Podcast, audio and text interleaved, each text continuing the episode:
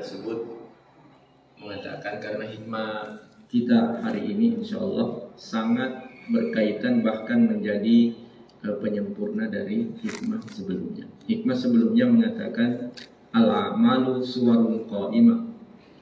Amalan-amalan itu adalah bentuk zahir yang tampak, bentuk fisik.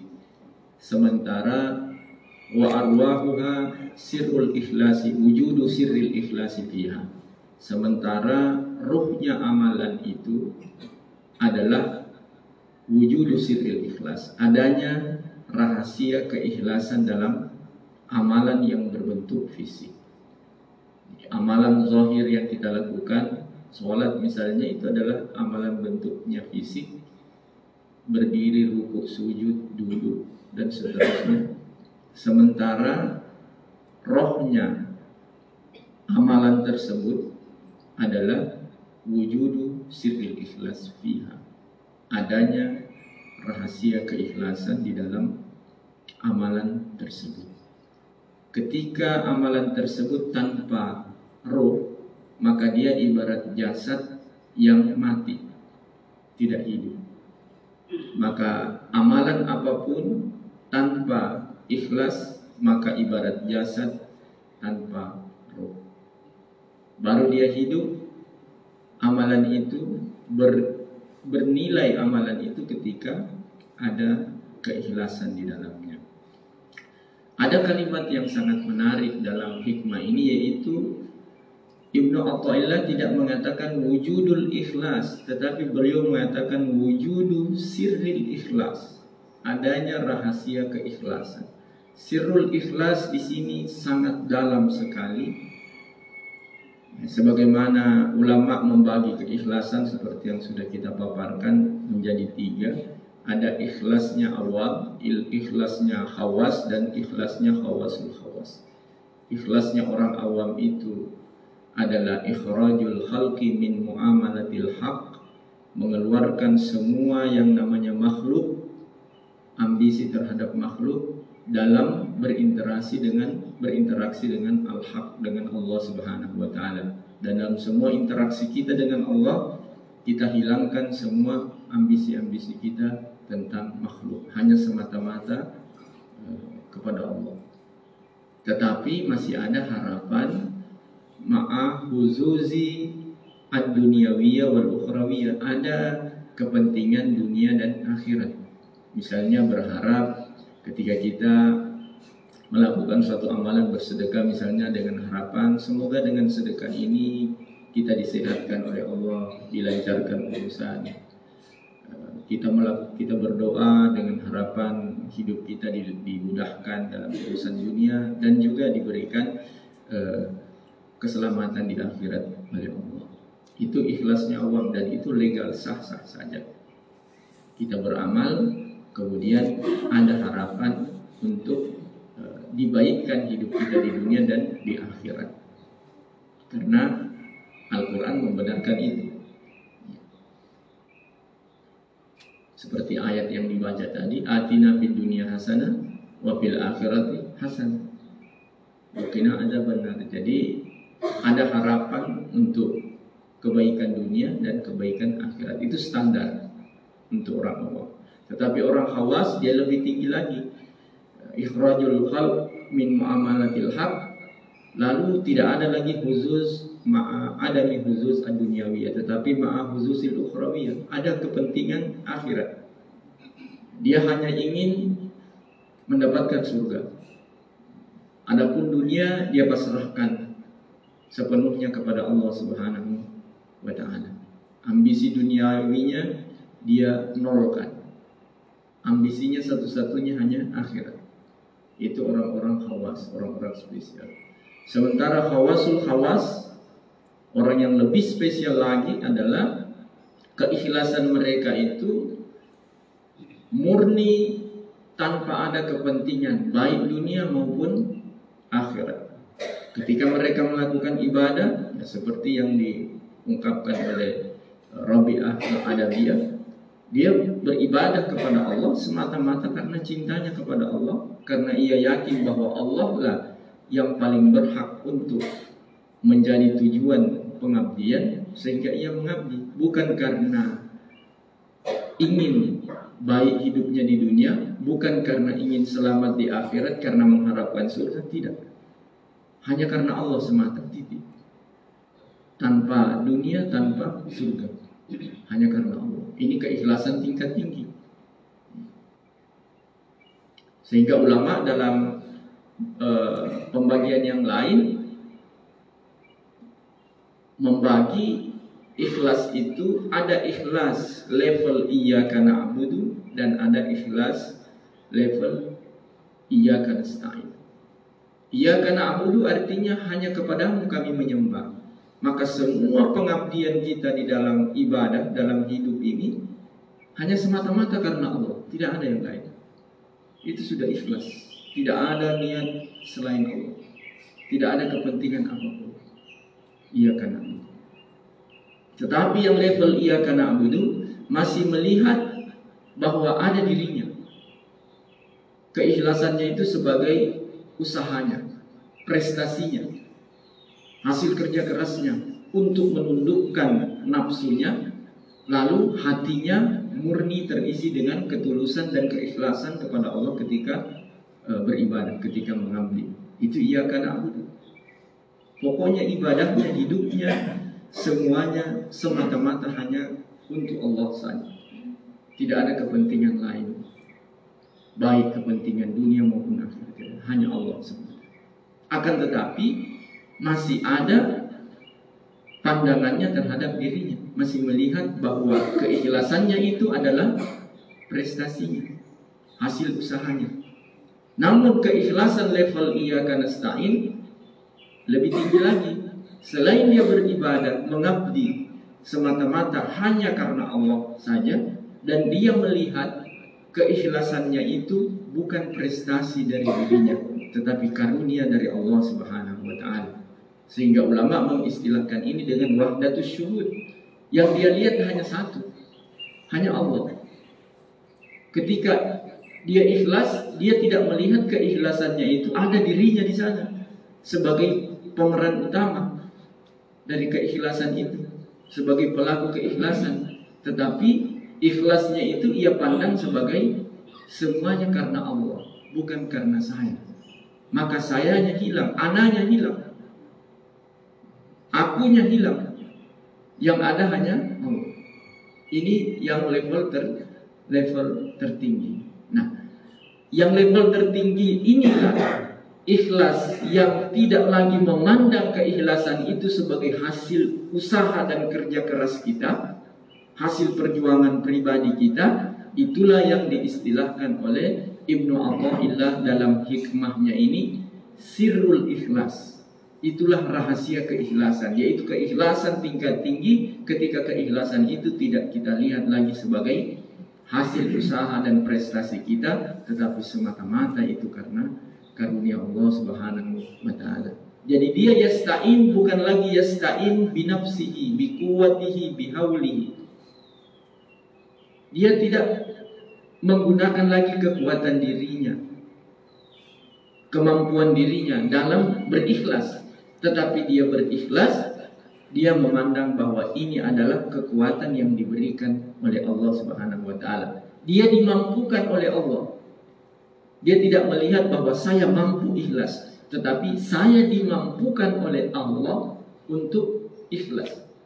Sehingga prestasi keikhlasan ini dia nisbatkan kepada Allah, bukan pada dirinya. Itulah makna dari sirrul ikhlas. Ini level yang sangat tentu sangat tinggi sekali. Kita berada di level ikhlas awam saja sudah luar biasa. Nah, untuk mencapai keikhlasan tersebut baik level awam, hawas maupun hawasul hawas ada resep petunjuk dari Ibnu Athaillah As-Sakandari. Untuk mencapai itu maka beliau ungkapkan hikmah berikut ini, hikmah kita hari ini, beliau mengatakan idfin wujudaka fi ardil humur. Fama nabata mimma lam yudfan la yatimmu nitajuhu. Idfin kuburkan benamkan timbun wujudmu, eksistensimu atau nafsumu fi ardil kumul di tanah yang rendah, yang dalam. Artinya benamkan dirimu sedalam-dalamnya, serendah-rendahnya. Fama nabata mimman lam yudfan la yatimu Maka benih yang tidak ditanam di dalam tanah, tidak dibenamkan di dalam tanah, ketika ia tumbuh, maka hasilnya tidak akan sempurna. Ibnu Athaillah di sini mengumpamakan pembentukan kepribadian seorang muslim untuk mencapai tingkat keikhlasan dalam pengabdian kepada Allah Subhanahu wa taala, beliau umpamakan dengan tanaman. Tanaman itu berasal dari sebiji benih. Jika ingin benih itu tumbuh dan berbuah sebagaimana yang kita harapkan hasilnya yang terbaik, maka benih itu harus kita benamkan di dalam tanah. Kita timbun untuk sementara waktu. Agar ia tumbuh, nanti tumbuhnya itu tumbuh dengan sempurna dan memberi hasil yang terbaik. Ada dua fase yang dilewati oleh tanaman untuk bisa sempurna memberikan hasil. Yang pertama adalah marhalatul taksis. Fase pertumbuhan, fase awal. Yaitu fase ketika ia ditanamkan, dibenamkan di dalam bumi. Kita tanam jagung, kita uh, buatkan lubang, kemudian kita benamkan benih jagung itu di dalam. Itu marhal, marhalatul taksis. Kemudian ada fase perkembangan. Setelah ia tumbuh keluar dari permukaan bumi. Hingga ia menjadi kuat dan menjadi uh, sebatang tanaman yang kokoh dan bisa berbuah dan memberikan hasil. Jagung misalnya kalau kita lempar begitu saja di permukaan bumi, mungkin ia akan tumbuh. Mungkin juga dimakan ayam. Dan ketika tumbuh, tidak ditanam di dalam tanah. Ketika ia berdiri menjadi satu tanaman jagung, datang angin dia mudah roboh. Karena akarnya tidak ada di dalam tanah. Dia tidak kuat. Buahnya pun tidak akan sebaik kalau dia ditanam di dalam tanah. Ini perumpamaan yang diberikan oleh Ibnu Athaillah As-Sakandari. Begitu pula untuk membentuk kepribadian seorang muslim yang ikhlas dalam mengabdi, dalam beribadah kepada Allah Subhanahu wa taala, dia harus membenamkan dirinya untuk sementara waktu dalam membentuk kepribadiannya. Ardil humul, al humul di sini artinya adalah jauh dari popularitas, jauh dari kemasyhuran. Orang yang ingin ikhlas maka ia perlu menghindari popularitas, kemasyhuran. Di level awal, di fase awal. Jadi orang yang baru mau belajar ikhlas hendaknya ia menghindari yang namanya popularitas. Untuk sementara waktu. Ketika nanti ia sudah tumbuh, sudah kokoh, ibarat tanaman ketika dia sudah kokoh, berdiri kokoh, diterpa angin pun ia tidak tidak akan goyah, tidak akan tumbang. Orang-orang yang sudah mencapai level di atas keikhlasannya mereka tidak terganggu lagi dengan popularitas mereka. Walaupun mereka menjadi uh, figur publik, ya, banyak dikenal orang, banyak beraktivitas di luar, berinteraksi dengan banyak orang, terkenal, akan tetapi hati mereka tidak lagi terganggu dengan popularitasnya, jabatannya, posisinya, status sosialnya di masyarakat. Tidak terganggu lagi keikhlasannya karena dia sudah mantap, sudah di atas. Tetapi bagi yang masih pemula, maka kalimat hikmah ini menjadi sangat manjur untuk menjadi resep. Untuk sementara waktu benamkan diri kita, hindari popularitas karena itu bisa merusak keikhlasan yang baru ingin kita bangun dalam dalam diri. Boleh jadi ketika kita melakukan sesuatu lalu mendapat maka kita menjadi semakin bersemangat dalam beramal karena dapat pujian. Dan ketika mendapat cemoohan, cacian, celaan, kita kendor, ciut nyali kita untuk melakukan kebaikan. Kita merasa bahwa sudah capek-capek melakukan kebaikan, tapi ternyata orang tidak menghargai. Ternyata kita masih berbuat baik dengan berharap ujian dan tidak berharap dicaci, tidak berharap disalahkan, dicemooh. Berarti masih berpengaruh apa kata orang, masih berpengaruh eh, tanggapan dan sikapnya orang terhadap kita. Dalam keadaan seperti itu kata Ibnu Athaillah As-Sakandari kita perlu menutup diri dalam arti kita jaga jangan sampai apa yang kita lakukan ini rusak karena sikap dan penilaian orang. Untuk sementara waktu itu penting untuk dilakukan oleh pemula dalam belajar e, mengabdi dan beribadah dengan e, keikhlasan. Tetapi ketika ia sudah terlatih, maka popularitas tidak menjadi penghalang dan tidak merusak keikhlasannya. Karena ia tidak terpengaruh lagi dengan e, keadaan dan status sosialnya di masyarakat. Karena yang ia lakukan semata-mata hanya karena Allah Subhanahu wa taala. Dan ini butuh latihan. Butuh pembiasaan. Uh, ada beberapa contoh hidup, contoh nyata. Pernah Nabi kita Shallallahu Alaihi Wasallam bertanya kepada sahabat Aqra bin Habis. Ada seorang yang fakir, sholat di masjid, lalu Nabi meminta tanggapannya Aqra, sahabat Aqra bin Habis. Maka sahabat Aqra mengatakan, orang ini jika misalnya ia melamar seseorang, maka tidak akan ada yang menerima lamarannya, tidak akan dinikahkan dengan anaknya siapa. Karena orangnya kiri, kira-kira. Jika ia meminta izin, meminta sesuatu tidak akan dikasih. Tidak akan dipedulikan permintaannya. Karena orangnya terlalu sepele. Kemudian jika ia bicara, orang tidak akan peduli. Orang tidak akan mendengarkan omongannya. Karena orang kecil disepelekan oleh orang banyak. Kemudian datang orang yang tampilannya perlente yang bagus. Nabi bertanya kepada Akrab bin Habis, bagaimana dengan yang ini? Maka Akrab mengatakan, kalau yang ini, kalau dia melamar pasti diterima pasti dinikahkan kalau dia minta dinikahkan.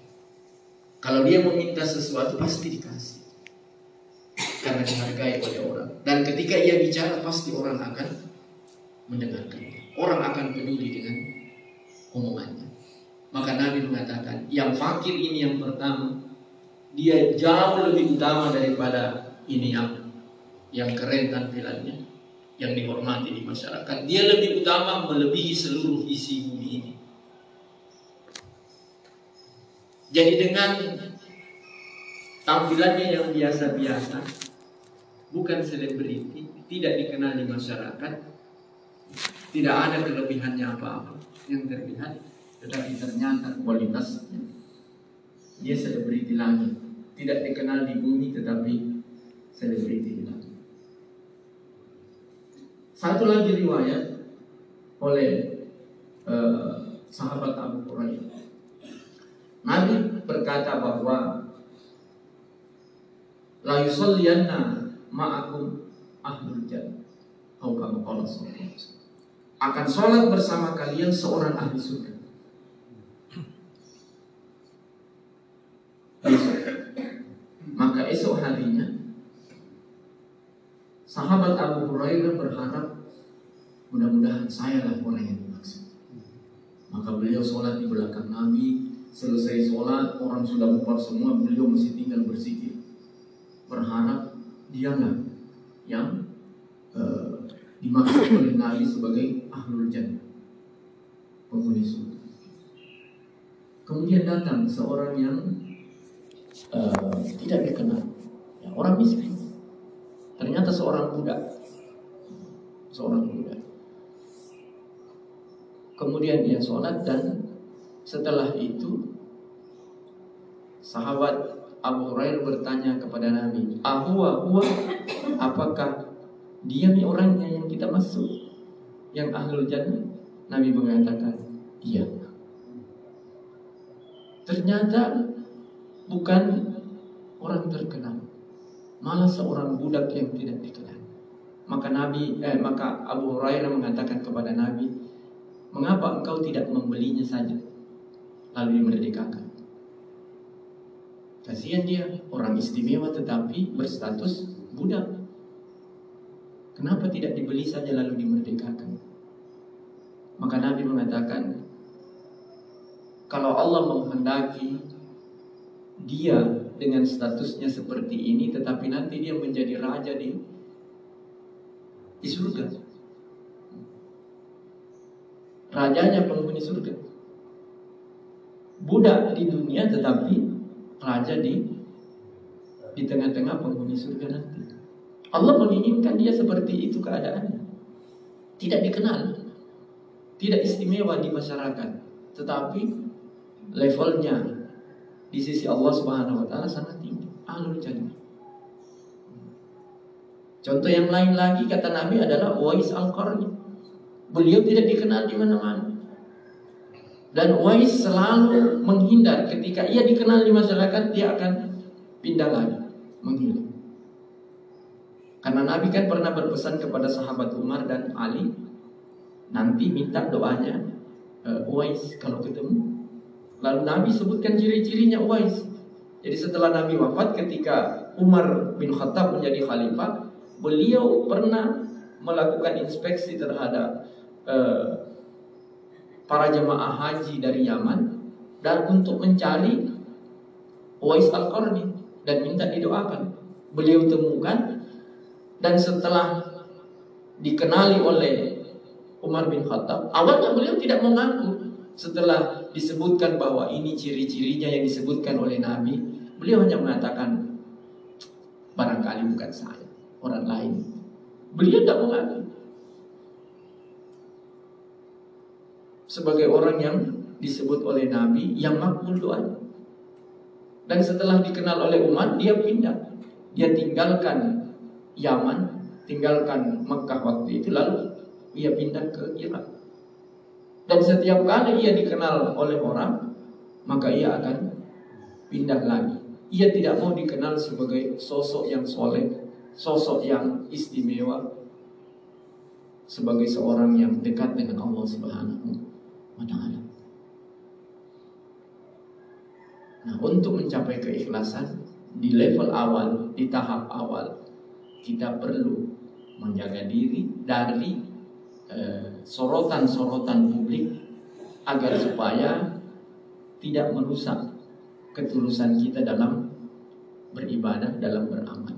Tetapi ketika hati kita sudah kuat, maka semua sorotan publik itu tidak akan merusak, tidak akan mengganggu niat kita, keikhlasan kita, hati kita. Jika demikian, memang hati perlu dibangun terlebih dahulu. Kalau hati kita sudah kuat, maka tanggapan yang dari luar tidak akan mengganggu, tidak akan merusak keikhlasan kita. Syekh Ramadan Al-Buti dalam penjelasannya tentang hikmah ini, beliau mengatakan bahwa Ibnu Athaillah As-Sakandari ketika memberikan resep agar kita menimbun diri wujud kita dalam ketidaktenaran, ketidakmasyhuran, beliau persyaratkan sebelum kita terjun ke masyarakat untuk menunaikan fungsi kita bagi tugas-tugas sosial kemasyarakatan dan lain sebagainya di masyarakat, kita harus mempersiapkan diri terlebih dahulu. Persiapan itulah yang dimaksud dengan membenamkan diri di dalam uh, di dalam tanah yang paling dalam tadi. Ulama mengatakan kullama dafanta nafsaka ardon ardon sama qalbuka samaan samaan. Semakin dalam engkau menimbun nafsumu di dalam bumi, maka akan semakin tinggi melesat hatimu ke langit. Tetapi ketika nafsu itu kita biarkan beraksi, maka hati kita akan tetap berada di bumi yang rendah. Dia tidak akan meninggi. Yang membuat hati kita meninggi, melesat ke langit apabila kita menimbul nafsu. Nah, ada tiga kata Syekh Ramadan Al-Buti yang perlu kita persiapkan dalam membangun kepribadian kita sebelum kita terjun di masyarakat. Yang pertama adalah al-ilmu. Indojul akli matangkan intelektualitas kita, matangkan keilmuan kita, karena tidak mungkin kita mengarahkan orang, membimbing orang, mengajarkan kebaikan kalau kita tidak punya ilmunya. Harus ilmunya dulu matang.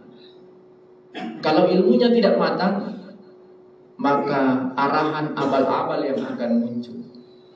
Iya maka muncullah sarjana pertanian mohon maaf ngomong masalah agama akhirnya orang diponis kapan ikut empat mazhab maka dua Tuhanmu yang ngomong itu bukan sarjana agama karena tidak matang ilmu agamanya bidangnya lain bicaranya lain dia menekuni guru besar dalam ilmu pertanian, tetapi mungkin kanak-kanak dalam ilmu agama. Lalu memberanikan diri bicara tentang agama.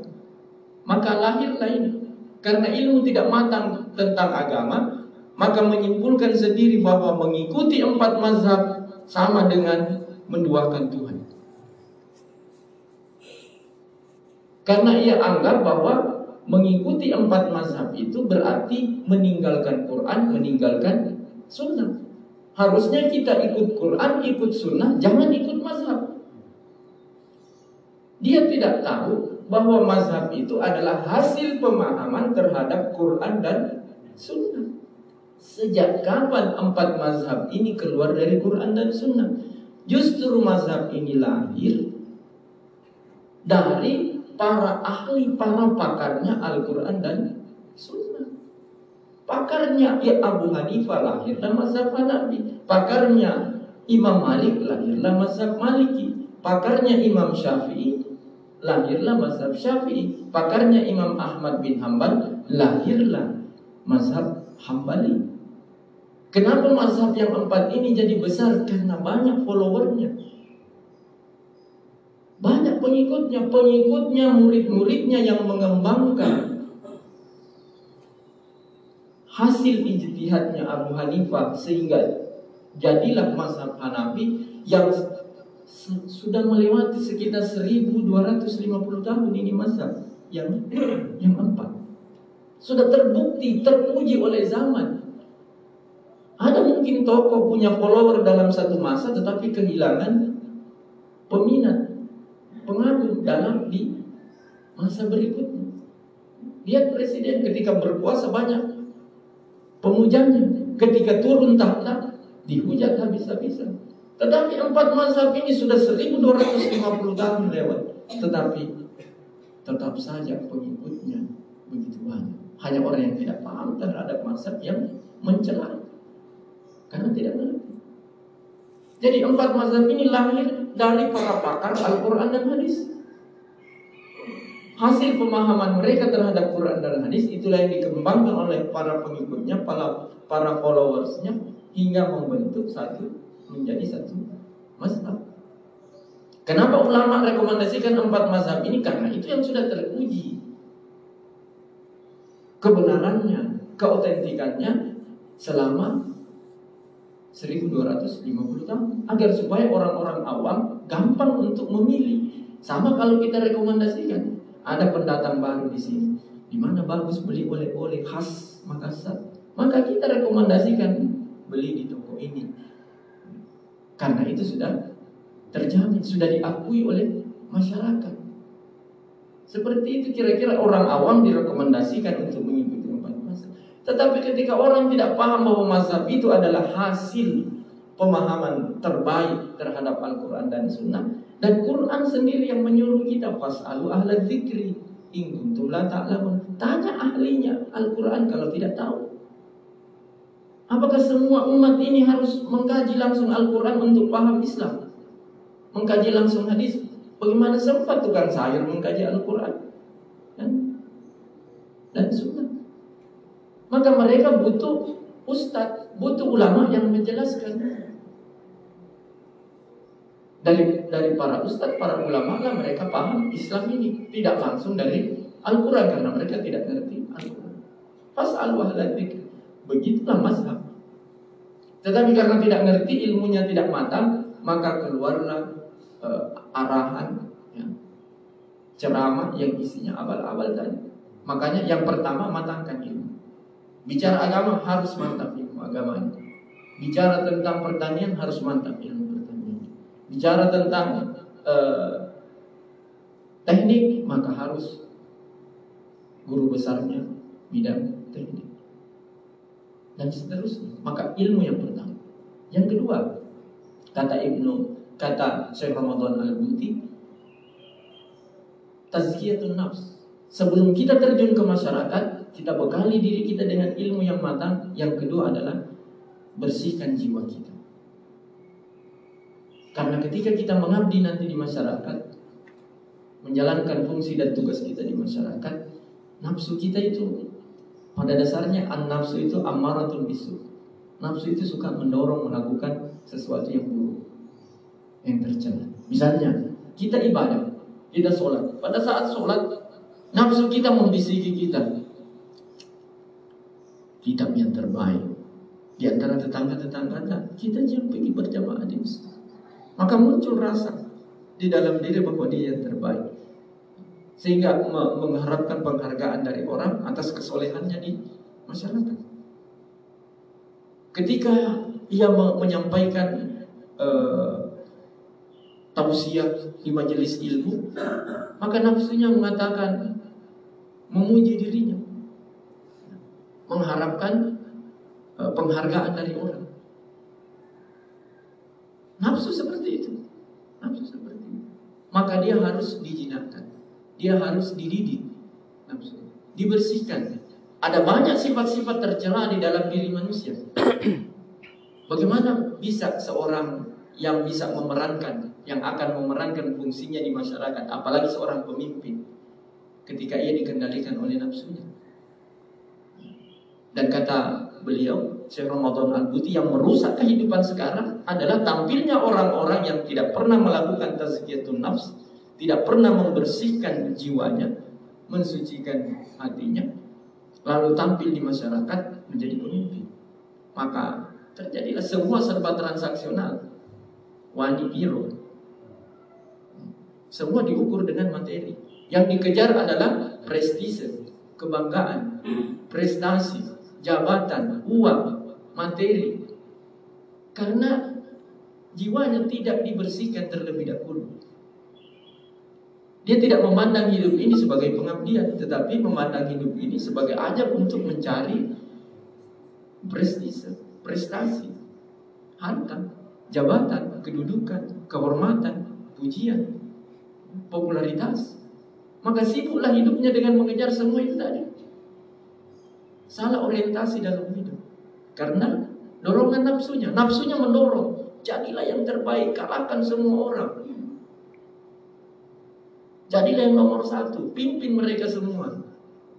Dengan kehebatanmu. Dengan kemampuanmu. Kekuasaanmu. Nafsu mendorong seperti itu. Akhirnya orang sibuk di seantero dunia dengan memenuhi ambisi-ambisi nafsunya. Maka sebelum kita terjun ke masyarakat, bekali diri dengan ilmu. Yang kedua, nafsu. Nafsu kita jinakkan. Sifat-sifat tercela di dalam diri itu bersihkan. Supaya muncul adalah sifat terpuji. Bagaimana seorang jadi pemimpin sementara sifatnya tercela? Ya, ini kan sudah mulai muncul.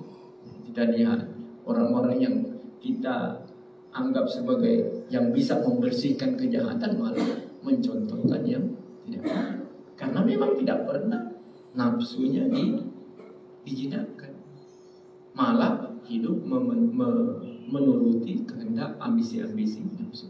Yang ketiga, yang terakhir kata Syekh Ramadan Al-Buti adalah mewujudkan mahabbatullah dalam dirinya. Membersihkan tathirul qalbi min mahabbatil aghyar. Membersihkan hati dari cinta kepada selain Allah. Hanya ikhlas kepada Allah semata-mata. Bersihkan hati dari ambisi-ambisi selain Allah, niat-niat selain Allah Subhanahu.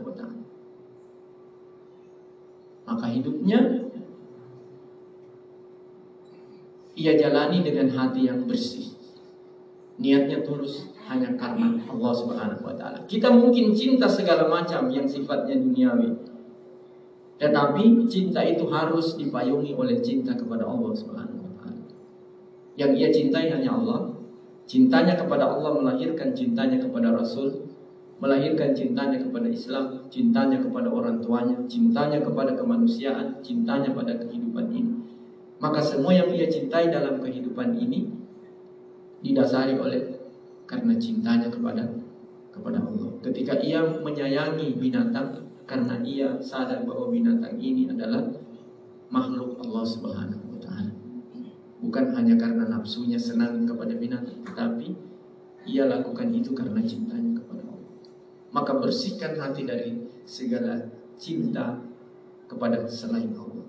Cintanya hanya kepada Allah, adapun cinta-cinta yang lain itu akan lahir dari cintanya kepada Allah Subhanahu wa taala. Kalau tiga hal ini tidak dilakukan, kata Syekh Ramadan Al-Buti, maka akan kacau peran kita di masyarakat. Karena ilmu tidak mumpuni, tidak cukup untuk memerankan fungsi kita di masyarakat, untuk mengabdi di masyarakat. Kemudian jiwa kita belum dibersihkan, belum dididik, sifat-sifat tercela masih akrab, ambisi-ambisi nafsu masih menguasai, mendominasi diri kita, bahkan menjadi pengendali lalu niatnya tidak karena Allah, maka habislah seluruh umur ini beraktivitas, melakukan segala yang kita lakukan, tapi hasilnya nanti nol. Tidak didasari oleh pengabdian kepada Allah, bukan karena Allah. Maka beberapa hikmah yang terakhir, tiga hikmah terakhir yang kita bahas ini adalah bukan lagi dari awal sebetulnya. Ini masih dalam rangkaian penjelasan tentang amal. Jadi bagaimana amal kita kita lakukan bernilai. Seperti apa amalan dilakukan sejak awal hikmahnya. Kemudian sekarang masuk pada pemberian kualitas, pemberian nilai pada amal yang kita lakukan tersebut. Yang mana amal yang layak dilakukan, yang terbaik dilakukan, kemudian nanti bagaimana amal itu memberi buah, memberi hasil.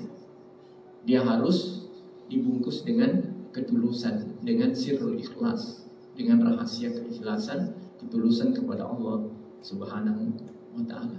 Inilah barangkali penjelasan dari hikmah kita idfin wujudaka fi abdil humul fama nabata min malam yudfan la yatimu nitajuhu. Benamkanlah nafsu wujudmu eksistensimu dalam ketidaktenaran karena sesuatu yang tumbuh dari yang tidak dibenamkan, tidak ditanam, maka hasilnya tidak akan optimal. Tidak akan memberikan hasil yang optimal. Keikhlasan akan mencapai hasilnya yang terbaik apabila kita awali dengan melakukan uh, memarginalkan diri dari segala yang bisa mengganggu ketulusan dan keikhlasan kita, tetapi tidak berarti bahwa kita tidak bersosialisasi dengan masyarakat. Tetapi kita hanya berhati-hati, jangan sampai hati kita terganggu oleh pandangan sikap masyarakat dari luar. Jadi jangan dipahami bahwa kita dilarang untuk bersosialisasi dengan masyarakat demi menjaga keikhlasan. Tidak, hati kita yang harus kita kerangkeng. Ya. Hati kita yang harus kita karantina dari rasa-rasa ingin diberikan tanggapan positif oleh masyarakat sekitar. Kita tidak dilarang untuk bersosialisasi. Adapun mempersiapkan diri seperti yang dikatakan oleh Syekh Ramadan Al-Buti tiga hal tadi, mungkin itu butuh uh, seperti anak santri. Anak santri itu dipesantrenkan selama enam tahun untuk mempersiapkan diri. Itu masa penanaman di dalam tanah tadi. Ketika mereka keluar dari pesantren, mereka sudah menjadi benih yang tumbuh, sudah ada muncul. Nanti dimantapkan ketika mereka masuk dunia perguruan tinggi dalam me, me, membentuk kepribadian mereka sehingga menemukan jati dirinya yang sesungguhnya. Memang butuh waktu untuk mempersiapkan diri sebelum kita tampil di masyarakat, sebelum kita mengabdi. Dan pengabdian itu bukan hanya pengabdian kepada Allah Subhanahu wa taala dalam bentuk ibadah ritual, tetapi ada pengabdian sosial. Maka dalam menunaikan pengabdian yang sifatnya ritual dan sosial ini, kita perlu mempersiapkan diri dengan tiga hal tadi, matangkan keilmuan kita, kemudian didik nafsu kita, bersihkan nafsu kita, jiwa kita dari segala yang tercela. Lalu satukan hati, bersihkan hati dari ambisi-ambisi selain niat-niat selain Allah Subhanahu wa taala. Semua kita lakukan hanya karena atas dasar cinta kepada Allah. Wallahu muwaffiq ila aqwamit Mohon maaf atas segala kekurangan. Wabillahi taufiq wal hidayah. Wassalamualaikum warahmatullahi wabarakatuh. Assalamualaikum.